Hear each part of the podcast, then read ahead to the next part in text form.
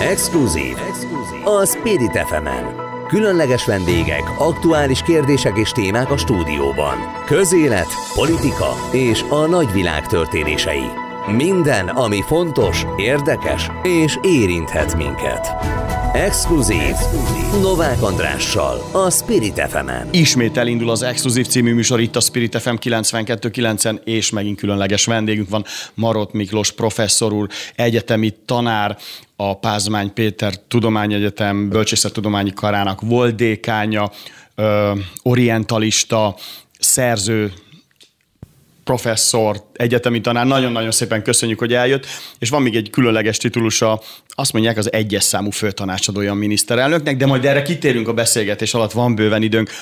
Uh, hihetetlenül ért, és rengeteg előadását meghallgattam, mielőtt eljött hozzám, és direkt megnéztem YouTube-on, utána néztem, és nagyon odafigyeltem, hogy, hogy miután ismeri a keleti vallásokat, ismeri a, az iszlámot, és ismeri a, az ezzel járó gondolkodást, és közben nekünk meg itt van egy hihetetlen nagy migrációs válság Európában, és minket itt Közép-Kelet-Európában kifejezetten érint, akár a balkáni eh, határ miatt, vagy akár most, ami egy kicsit északabbra történik a lengyel-fehér orosz határon.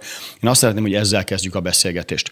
Professzor úr, amikor el, elkezdtük ezt a beszélgetést, akkor, akkor azt mondta, hogy szeretné, ugye nem a konkrét történés, hogy mi van ott, de hogy ennek mi van a hátterében, ezt, ezt mindenképpen el tudja mondani. És ez engem nagyon is érdekel, hogy, hogy hogyan kapcsolódik össze az iszlám, és hogyan kapcsolódik az, ami a határokon van, és hogyan kapcsolódik össze a migrációs válság, hiszen egyben biztosak lehetünk, hogy az érkezők 99,9%-a a muszlim vallást gyakorolja. Így van? Így van. Így van. Tehát voltak éppen azt kell mondanom, hogy a válság mindenek előtt egy túlnépesedési válság. Tehát a világnak egy sivatagos övezetében, ahol a föld eltartó képességek kisebb, ugye mert a mezőgazdasági termelési lehetőségek szűkösebbek, tehát az emberek ellátása nehézségbe ütközik. Körülbelül száz év alatt a lakosság létszáma megkilencszereződött. Ugye ezt, ha valaki magyar fejjel meg akarja érteni, hogy mit jelent, akkor gondoljunk arra, hogy 18-ban, amikor kialakult Magyarország jelenlegi határok között, akkor volt 8 millió lakosa. Ha ezt megszorozzuk 9 akkor most 72 milliónak kellene itt lakni a jelenlegi Ugyanaz Magyarország a területen. Igen, ugyanezen a területen. És nálunk ipari fejlődés volt, amit ott nem lehet elmondani. Uh-huh. Na most, ha belegondolunk, hogy most a 8 millióból lettünk majdnem 10 millióan, és már kimennek nyugatra munkát keresni az emberek, akkor tessék elképzelni, mi lenne, ha 72 millióan lennénk itt az ország területén. De azt kell mondanom, hogy ezzel még az, az arab világ viszonylag jól áll. Kenyának a példát fel tudom hozni. Száz évvel ezelőtt egy millió lakosa volt, most 40. Most voltam Kongóban, 110 millióan vannak Kongóban, és csak tippelik, mert de folyamatosan nő. Bocsánat, hogyha megkérdezem, nagyon sok gyereket vállalnak ott. Ugye ez egy és akkor van hozzá gyerekhalandóság, hogy 10-ből 9 eh, gyerek éri meg az 5 éves kort, 10-ből eh, 8 eh, éri meg a 10, 10 éves kort, és 7 éli meg a 15 éves kort. Ettől függetlenül nagyon sok gyereket csinálnak, na de közben meg nem tudják eltartani őket, tehát ez egy nagyon-nagyon nehéz. Ez a kultúrának a része?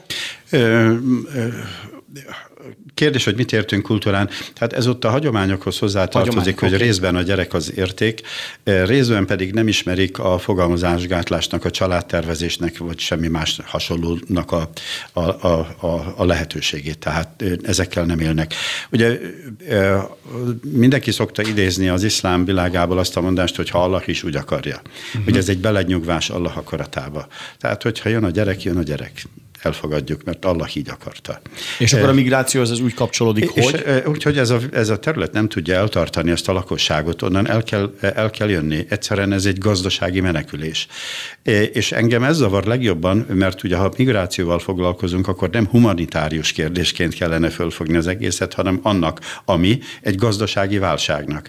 Ugye tessék belegondolni abba, hogy sorozatba törnek ki a gazdasági válság miatt a, a, a forradalom hatalmak a, az arab világban is, de ennél rosszabb a helyzet a szubszaharai világban, ahol 50 év alatt megtisztereződött a lakosság, tehát 100 év alatt sok, sokkal nagyobb. Ez a Magreb országokról beszél. Most az arab országok a Magreb országok, a szubszaharai országok alatta pedig alatta lévő, Nigéria, stb. stb.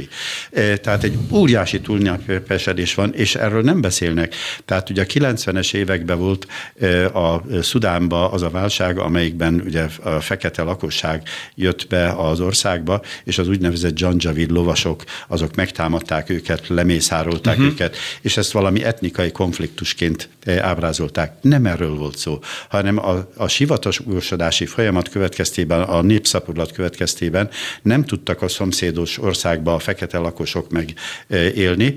Átjöttek Szudánba, ugye ott a Nílus mégiscsak nagyobb lehetőségeket jelentett, de ott sem tudtak ellátni több embert, ott is szűkös viszonyok között voltak. Tehát ennek következtében a bejövő fekete lakosságot, szomszédországból bejövő fekete lakosságot gyilkolták és ezt etnikai konfliktusként ábrázolták, de nem az volt. Tehát egyszerűen a világ szemet húny e fölött, hogy itt egy óriási gazdasági probléma van, és nem mint ilyet kezelik, hanem, hanem csinálnak belőle vallásközi konfliktust, csinálnak belőle etnikai konfliktust. És humanitárius, humanitárius katasztrofát. Igen, uh-huh. és, és nem néznek szemben a probléma, szembe a problémával. Ugye ez engem érdekel is ez a kérdés, hogy a mai világban, amikor négy évre választanak egy kormányt, akkor népszerű megoldása esetleg egy, egy nagyobb, hosszabb távú és, és nemzetközi, tehát egy, egy össze, nagy nemzetközi összefogást igénylő programba belefogni, kifizetődik, kifizetődik-e az a választások, a négy év után bekövetkezendő választásoknál egy ilyen munka. Ugye, tehát, hogy senki nem tervez hosszú távon? Vagy nem senki, gond, senki? Senki. Senki. Egyébként a világ egyik legnehezebb problémája a gondolkodás, és ettől mindenki rettek, beleértve a politikusok nagy tömegét is. Nem azt mondom, hogy mindegyik, de, de a túlnyomó többség, mindenki retteg a gondolkodást gondolkodástól. Ugye nekem volt egy főnököm, aki azt tanította, hogy ha kérvényt írunk, írjuk meg mindjárt a választ is, eh, mert akkor kedvező, saját magunk számára kedvező választ írunk, és mindenki annyira utál fogalmazni, hogy azonnal aláírják. Eh, ez azért van, mert ugye a válasz megírásán is gondolkodni kellene. Az emberek rettegnek a gondolkodástól, és ez a politikusokra is jellemző. Tehát a felszínes, azonnali és a gyors megoldásokat keresik, és ennek következtében nem eh, néznek le a mélyére. Nem akarom leegyszerűsíteni, de a migráció kérdésben, amely, amely tényleg, amelyet a tényleg a bőrünkön tapasztalunk, és nem akarok brüsszelezni, de teljesen úgy tűnik nekem, hogy nyugaton ilyen struc politikát folytatnak. Tehát, hogy senki nem látja azt, hogy itt az ENSZ legutolsó adatai szerint is legalább percenként 20 ember hagyja el az otthonát. Én azt gondolom, hogy ez a következő három évben nem probléma, de a következő 20 meg 25 évben katasztrofális Megkérdeztetem, hogy mi erről a vélemény? Mert hogy nagyon sokan érkeznek. Tehát erről sok mindent tudnék mondani, de a katasztrófát én másik oldalról szeretném Igen? megközelíteni. Túl erősen fogalmaztam? Nem, nem, nem, egyáltalán, csak mondom, másik oldalról szeretném megközelíteni. Igen. Ugye itt mit csinálunk vele egy emberi problémát, tehát, hogy jó emberek vagyunk, befogadjuk, stb. stb. stb. De nem látjuk a másik oldalát, és Damaszkusz példájára kell hivatkoznom. A Damaszkuszban már a bizánci korban is, ugye a Barada folyó szellé át, ez egy kis vízfolyás a Barada folyó, de ennek a rengeteg ága bogán egy zöld övezet jött létre a Damaszkusz körül.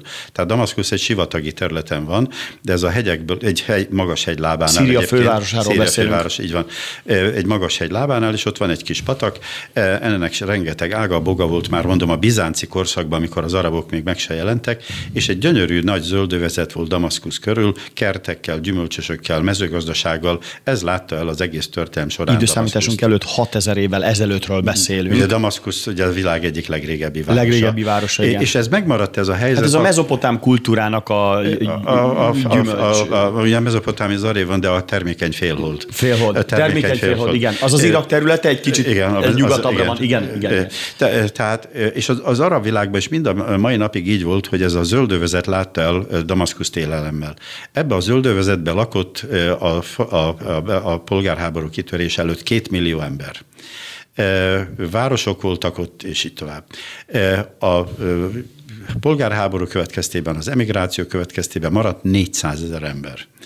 Ott vannak a városok, polgárháborúban szétlőtték őket a mostani szíriai polgárháborúról beszél, igen, illetve az iszlám állam utáni következményekről beszél professzor. Elmúlt igen, tehát az elmúlt 14-től 15 És, és amelyik Isten igazából még mindig nincs lezárva, csak valahogy nyugvó pontra jutott hát, a helyzet. vagy legalábbis egy ilyen de, de, de, jegelt, de, igen, jegelt, de, de nincs, nincs végérvényes megoldás még kidolgozva semmilyen formában sem. Hát opt, kicsit optimista ez a megfogalmazás. Nem, hogy nincs kidolgozva, ember nem lát megoldást, hogy Szíria, Igen. Kurdisztán... Tekintettel arra, hogy, hogy különböző külső érdekek robbantották ki a belső háborút uh-huh. is, és, és azok nem engedik lezárni sem. És ezek a külső, külföldi érdekek, ezek nem szüntek meg, ezek aktívan élnek. Na de ott maradt, mondom, két millió ember után romokba egy olyan terület, amelyeken most 400 ezer ember él, ezek inkább öregek, mert a fiatalok eljöttek, Nincs, aki helyreállítsa, nincs, aki újra fölépítse, nincs, aki a romokat eltakarítsa, mert eljöttek ezek a fiatalok. Ha megnézzük az eljött embereknek a túlnyomó része fiatal férfi, házasság előtt.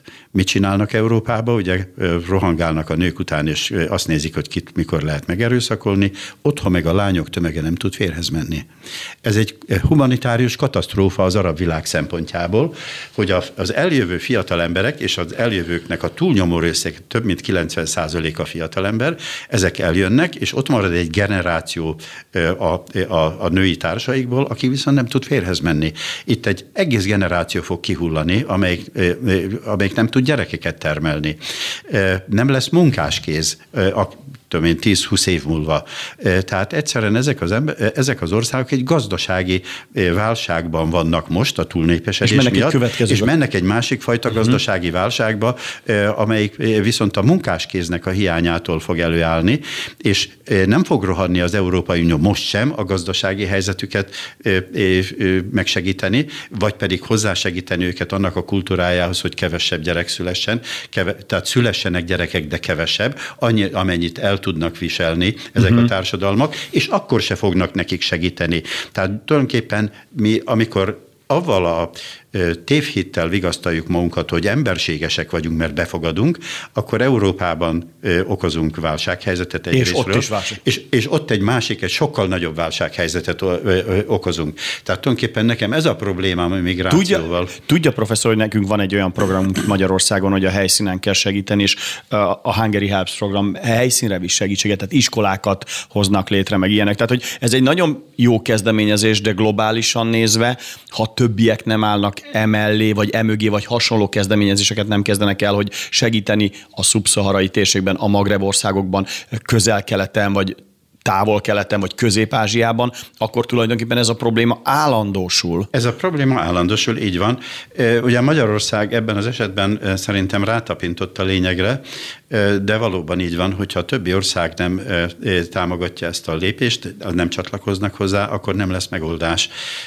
És itt van az a problémám, hogy ez rövid távú megoldásként egyetlen politikai pártnak sem hoz belpolitikai sikert. Tehát választásoknál nem olyan tényező, amelyik a választások kimenetelét befolyásolná, következésképp az országok nem érdekeltek benne.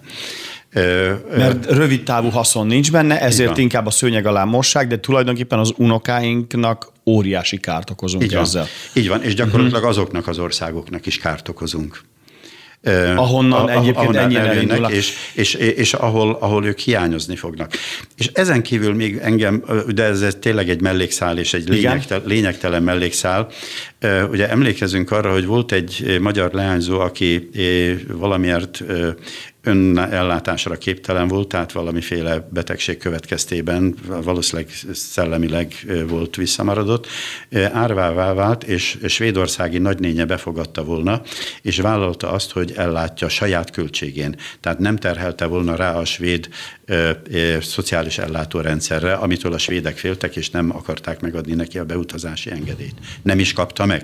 Hiába vállalta a nagynénye azt, hogy ő ellátja, ameddig csak lehet ezt a lányt, aki mondom, nélküle életképtelen, mert uh-huh. Magyarországon nem maradt rokona nem vállalta a svéd ország, Svédország őt a, a szociális ellátórendszer érdekeire hivatkozva, de ugyanakkor több tízezer menekültet befogadott a svéd el, szociális ellátórendszer kárára Ez az, amit nem értek.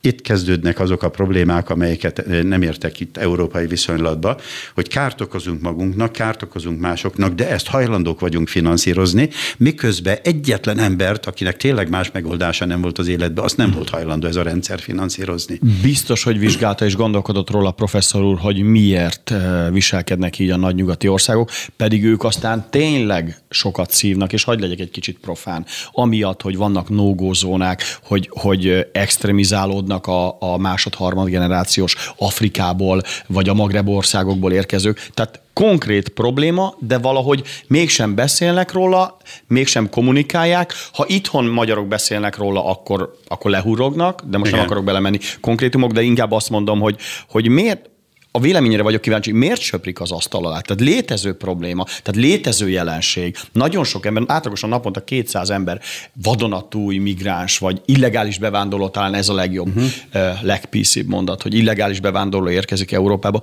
Miért nem fogalmaznak nyíltan és tisztán.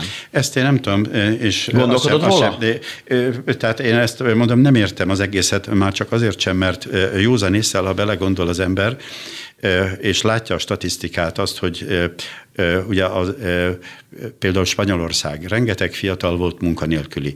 Erre munkaerő importra való hivatkozással beengednek egy csomó olyan embert, aki nem is képes az európai viszonyok között dolgozni. Abnormális. Tehát itt egyszerűen uh-huh. azt látom, hogy hazugságokat terjesztenek, bizonyos dolgokat nem szabad kimondani, voltak éppen azért mondtam, hogy az egészet nem értem, hogy ebben mi a ráció. Lehet persze találgatni, és én is tudnék találgatni, de a találgatásban nem akarok belemenni. Előbb-utóbb, mit tudom én, 50 év múlva, amikor majd kiderül, hogy ilyen levéltárhoz, meg olyan levéltárhoz hozzá lehet férni, talán ki fognak derülni. Mondok erre egy példát. Igen. Ugye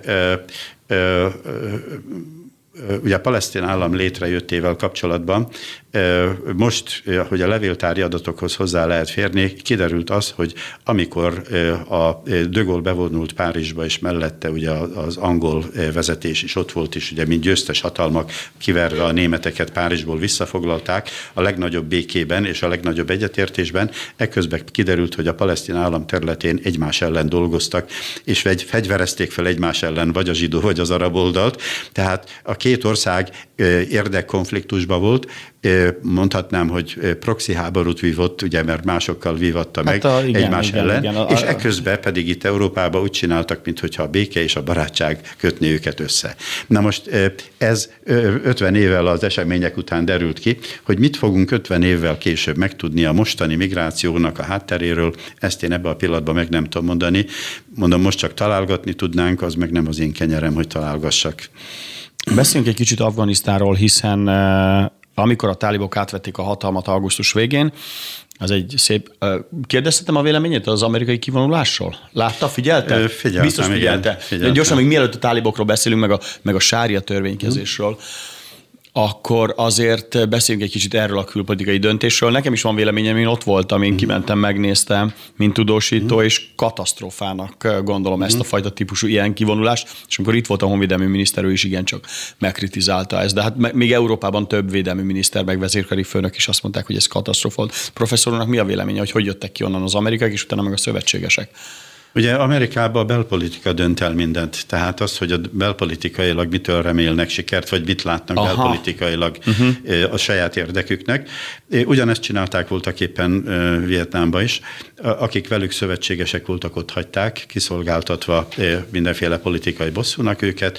Jelen pillanatban ott hagyták az afgán szövetségeseiket, meg az európai szövetségeseiket. Minket is. Minket is ott Igen. hagytak, így van.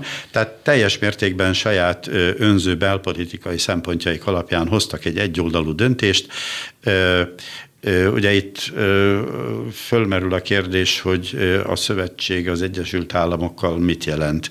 Valóban egyenrangú felek szövetsége, vagy pedig egy függő többé-kevésbé gazdasági vagy egyéb szempontból függő státusba levő országoknak a, a kényszer szövetsége, úgymond. Ú, ez olyan fontos kérdés, és most csak így szerénykedik itt professzor, de ez, ez sokkal távolabbra mutat, és sokkal fontosabb kérdés, igen, igen, hogy hogy is kell, állunk meg, meg Amerikával mondanom, tulajdonképpen. Nem, nem, az én jogosultságom, hogy erről beszéljek. De ez egy nagyon fontos kérdés, mm. erről még biztos, hogy fogunk beszélni. Térjünk rá a tálibokra. Mm. Amikor átvették a hatalmat, azt mondták, hogy egy csomó szabályt bevezettek, de mindenképpen ragaszkodnak a sáriához, és itt Európában ezt a sáriát úgy emlegetjük, hogy na hát ott akkor mindenkit megköveznek, levágják a kezét, levágják a fejét, és egyébként meg a nőknek a jogait, meg az emberi jogokat sárba tiporják. Általában így szoktuk interpretálni, bevallom őszintén néha még én is, lehet, hogy nem jól teszem, de amikor azt mondják, hogy a sárja miatt a nők nem hallgathatnak zenét, meg nem mehetnek el egy étterembe, csak akkor, ha az apjuk vagy a férjük velük van, akkor teljesen úgy tűnik, hogy, hogy akkor itt valami nagyon nagy defekt van.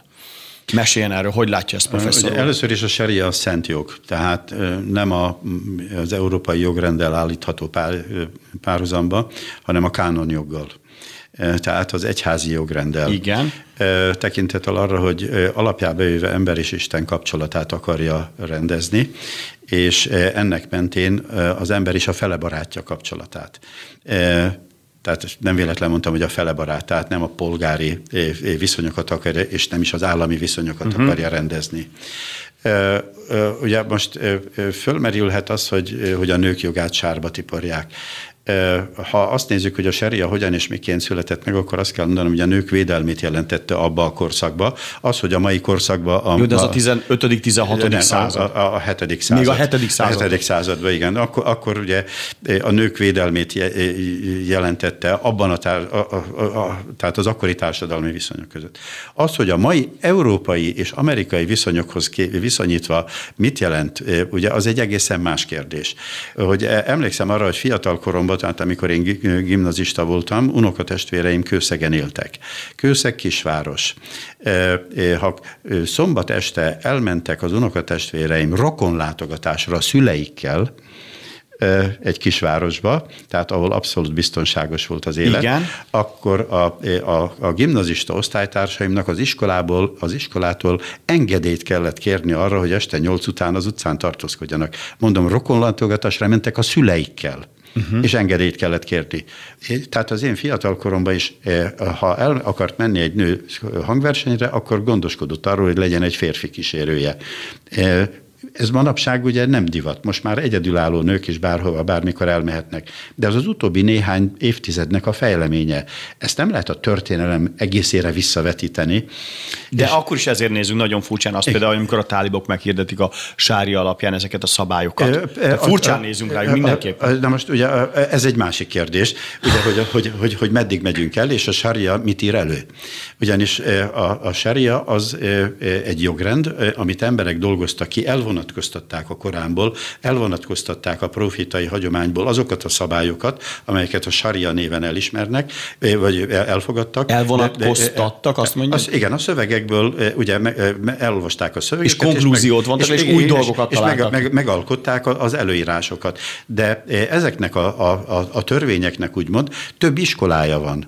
Tehát nem egy, nem egy... Ez azt jelenti, hogy több változat van, és mindenki más tart. Van négy szunnita iskola, és ezek ezekben nem csak a Korán játszik bele, hanem belejátszik a hagyomány, tehát a helyi hagyományok.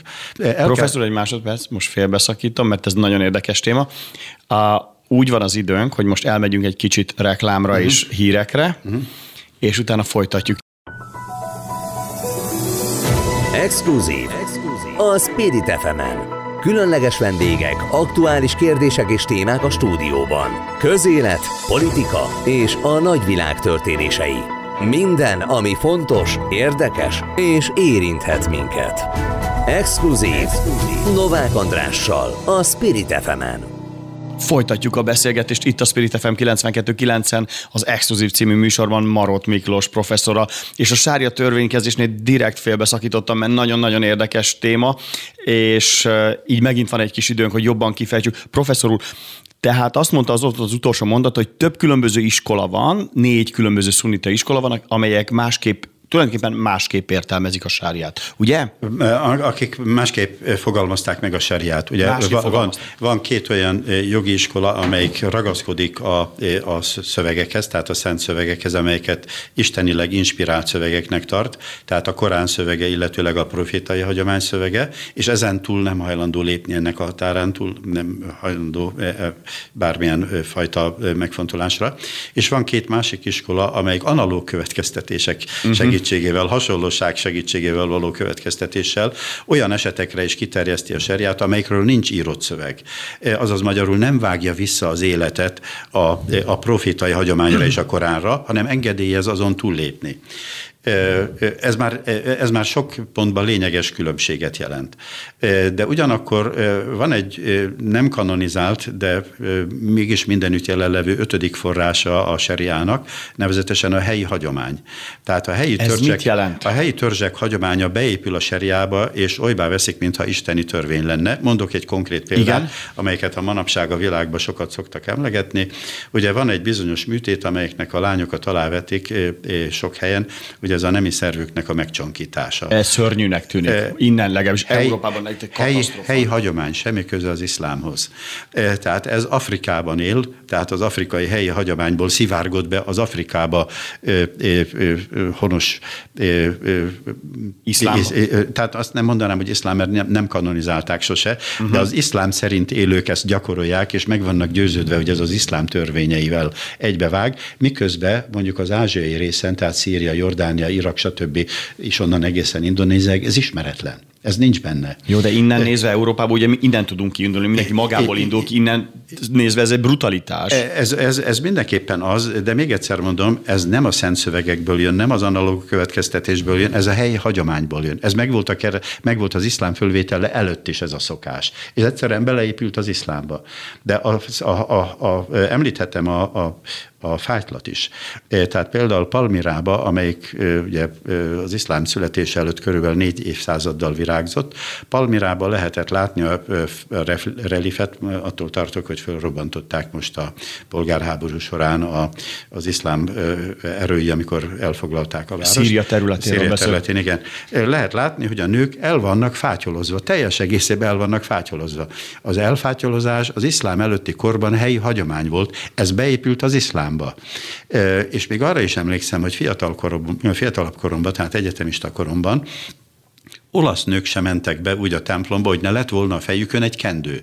Ők már nem kötötték össze az álluk alatt, nem húzták össze a szemük előtt, de még a fejükön volt a kendő, és az két oldalról lelógott. Tehát ez a ez hagyomány... a mai napig divat olasz templomban. Ez, ez lehet, hogy mai, na, én fiatalabb koromban láttam, ugye, külföldön ezt, tehát nem tudom, hogy mai, de ez ugyanaz a hagyomány, ugyanaz a mediterrán hagyomány. Tehát ezek beépültek az iszlámba. És a tálibokra vetítjük, amelyik, akik állandóan minden egyes interjúban elmondják, hogy a sária szerint szeretnének élni. Az egész országot úgy is nevezték el, ugye, hogy most már az iszlám. Igen, na most ugye a, emirátusok, afgán emirátusok. E- ebből csak azt akartam mondani, hogy ugye vannak különböző irányzatok, és akkor még nem beszéltem arról, hogy az iszlámban nincs központi tanítóhivatal, mint ahogy például a katolikus egyházban van. Ennek következtében a műveltségi szintje szerint mindenki úgy éli meg az iszlámot, ahogy ő megéli, azaz magyarul mindenkinek megvan a saját iszlámja, és meggyőződ, meg van győződve arról, hogy az iszlám helyes útját járja. És ez és, akár imámok szintjéig de, de az imámok azért, azért, azért már műveltebb emberek, de mondok egy példát erre. Magam láttam az iszlám forradalom, tehát ugye amikor az iszlám állam uralkodott Szíriába, megállítottak egy teherautót, kiszállították a sofőrt, és megkérdezték, hogy hány leborulás van a reggeli imába. Azt mondta, hogy három. Ugye megállították a következőt, kiszedték a sofőrt, megkérdezték, hogy hány leborulás van a reggeli művelbe, azt mondta, hogy négy. Mind a kettőt lelőtték mert kettő van, kettő így van. van. mert kettő, kettő van. És mind a kettőt lelőtték, ugyanis ezzel, hogy nem tudták azt, hogy hány leborulás van az, a, a, a reggeli imába, ezzel bizonyították azt, hogy ők ugyanazt hiszik magukról, hogy muszlimok, de nem ismerik az iszlám vallását, nem gyakorolják az iszlám vallását. Na most az, hogy ezért le lehet lőni embert, ez nincs benne az iszlámba. Ez, ez ugye az ő, ő személyes eljárásuk volt. Tehát a személyes meggyőződésük, Tehát, mert, és ez a vége, igen? amit akarok mondani, az iszlám elkezd elkezdett átalakulni a vallás, és ezt már a muszlim világban tudósok kimondták, elkezdett átalakulni vallásból és törvényből ideológiává. és sokan ebbe az ideológiai formájára hivatkoznak. Tehát az, hogy Afganisztánban jelen pillanatban azt mondják, hogy a lányok nem járhatnak iskolába, ez természetesen levezethető az iszlámból, mert a 7. században, ugye 622-től 632-ig tevékenykedett Mohamed, 632-ben meghalt. Ki járt az Isten háta mögötti arab félszigeten? Nem ott volt a világ kulturális központja, az Rómában volt és Aténben.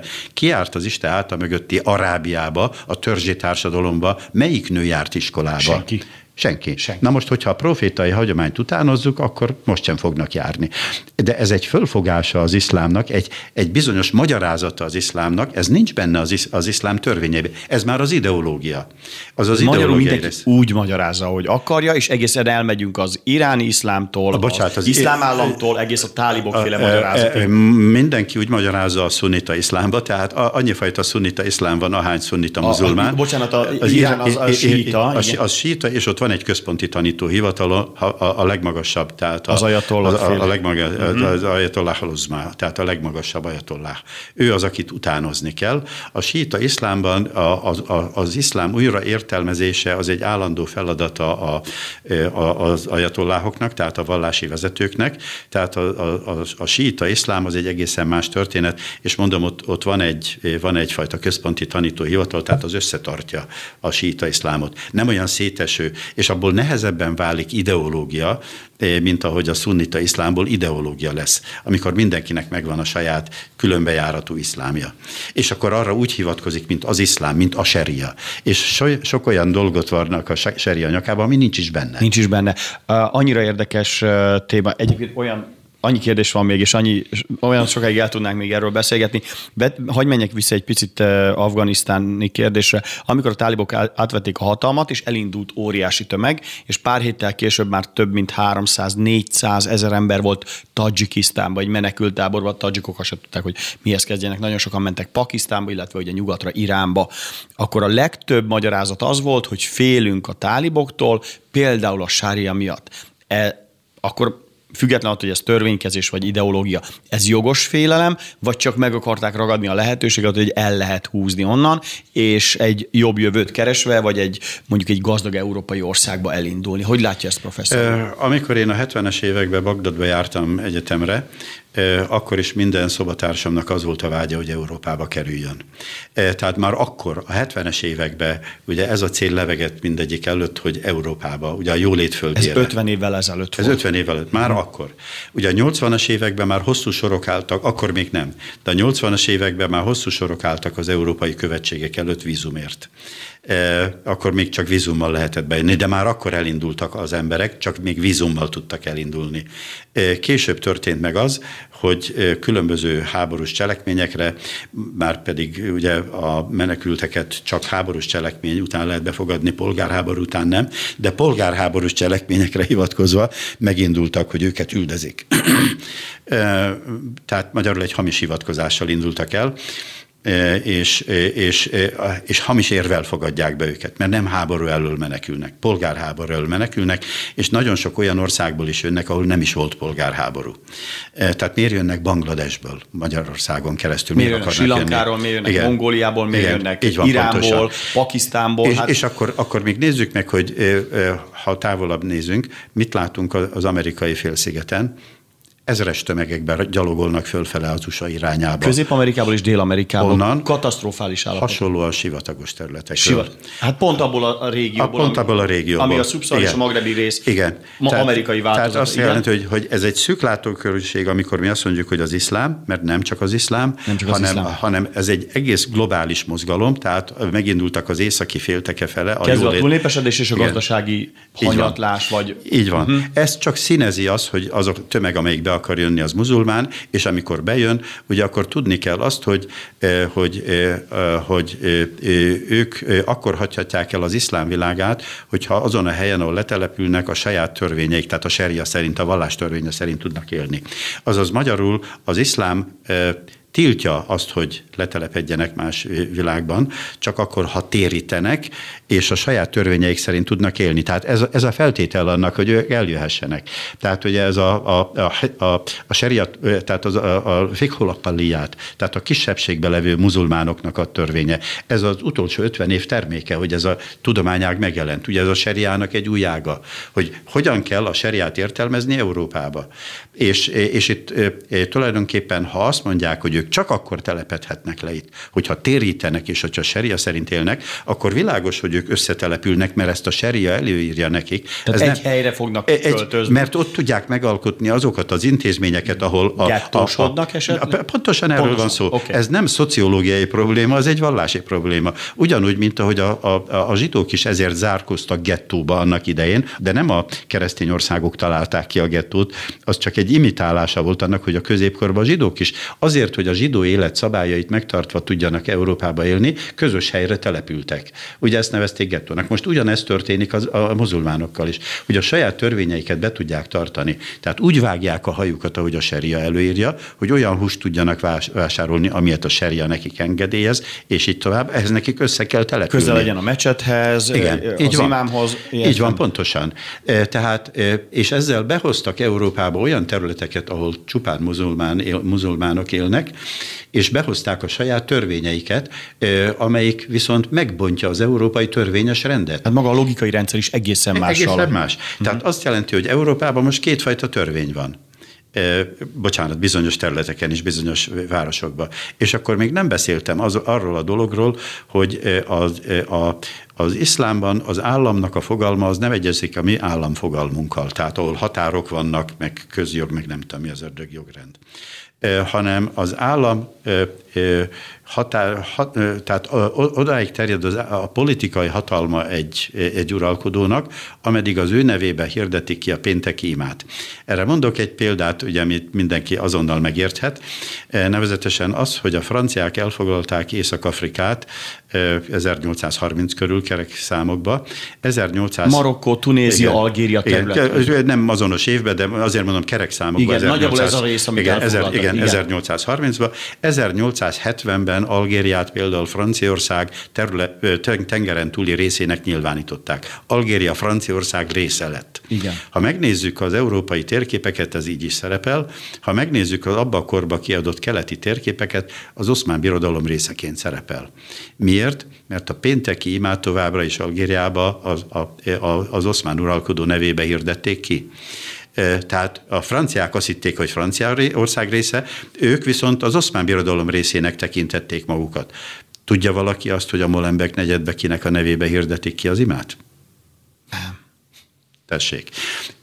Beszéltem egy tuniszi kollégával, azt mondta, hogy a második világháború után, amikor a mecsetbe elment imádkozni az édesapjával, akkor mindig a, a két kontinens és a két tenger urának a nevébe hirdették ki az imát.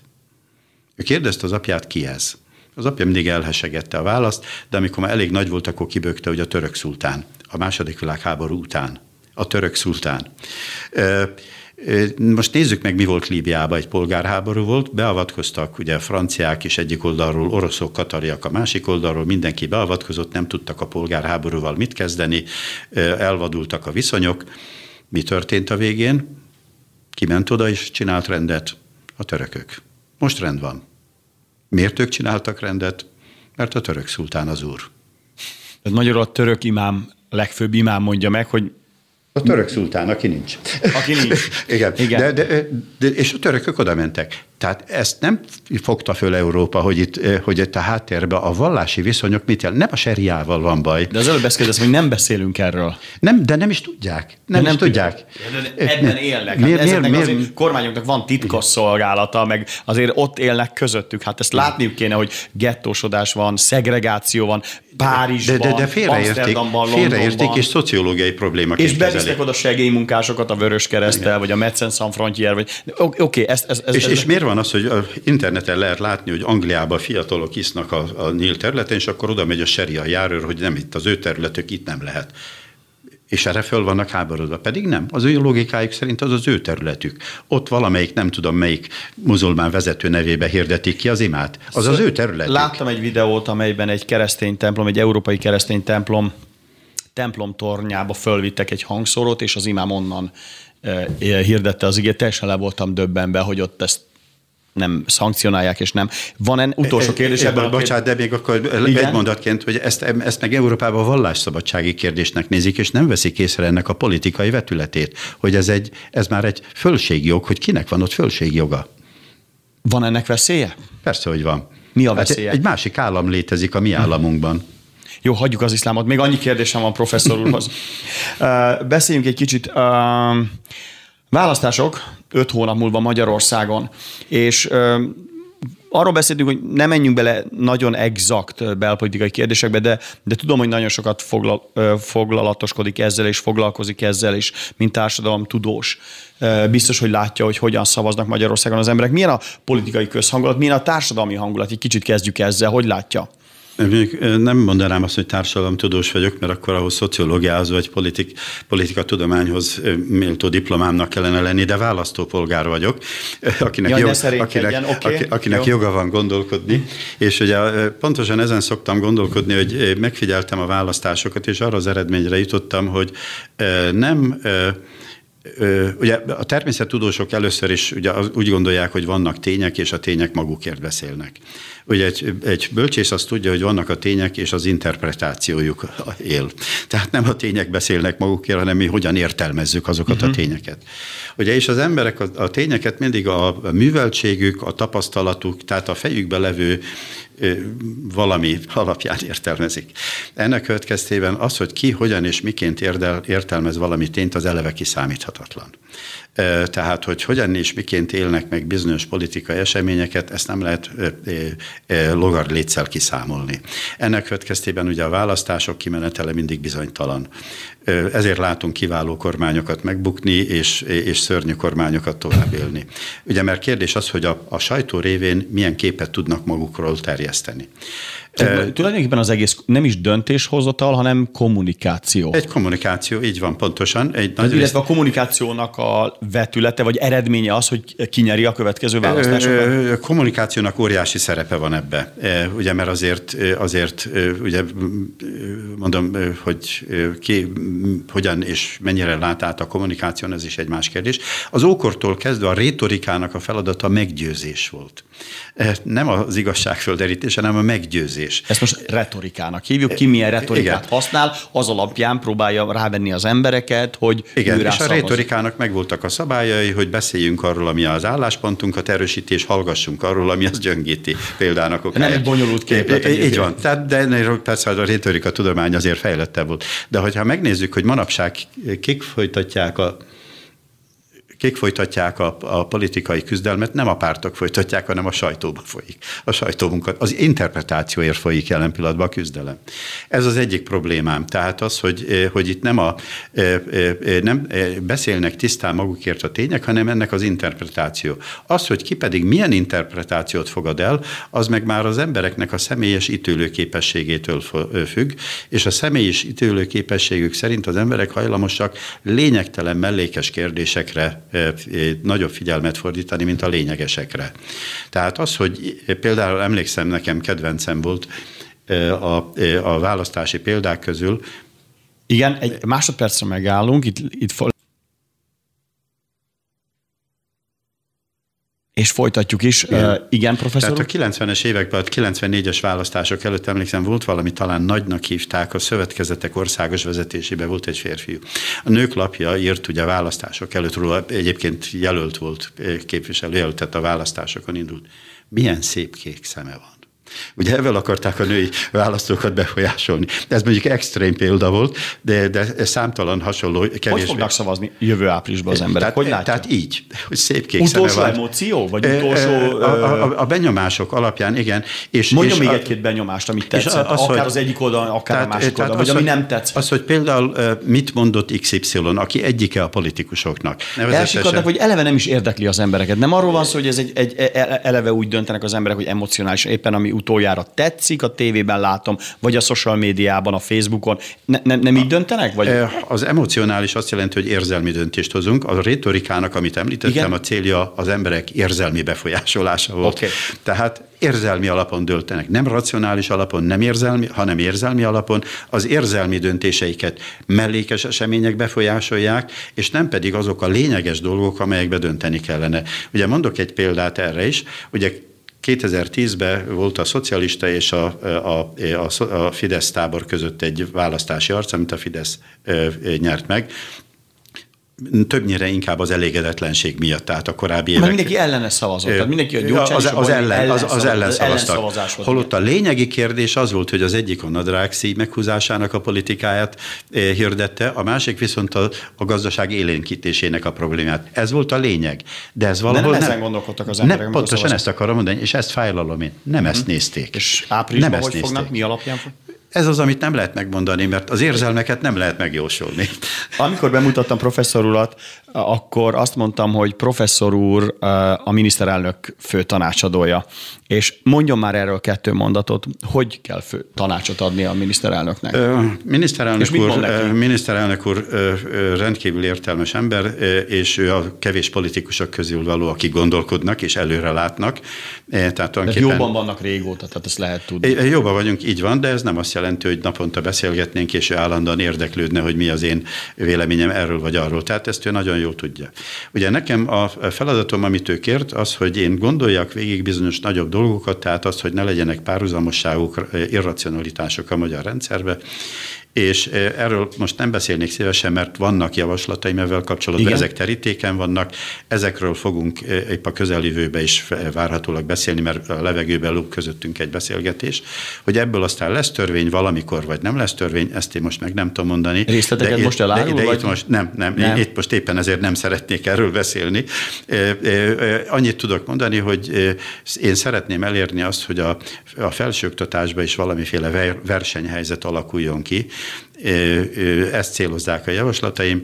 Előzetesen beszéltünk róla, jóváhagyást megkaptam, hogy erről gondolkodjam, és erről fogunk beszélni, de ugye nem az én dolgom azt, hogy megjósoljam, hogy ebbe a változatlan formában mennek keresztül, vagy nem, vagy változik, hogy lesz belőle valami, vagy nem lesz belőle valami, ezt majd meglátjuk, tehát nem szeretnék idő előtt erről beszélni. De ha igen, akkor majd meg meghívjuk még egyszer. Utólag szívesen. Marot Miklós, nagyon szépen köszönöm egyetemi tanár, illetve a miniszterelnök főtanácsadója. Köszönjük szépen, hogy itt volt a Spirit FM 92.9-en, folytatódik a műsor.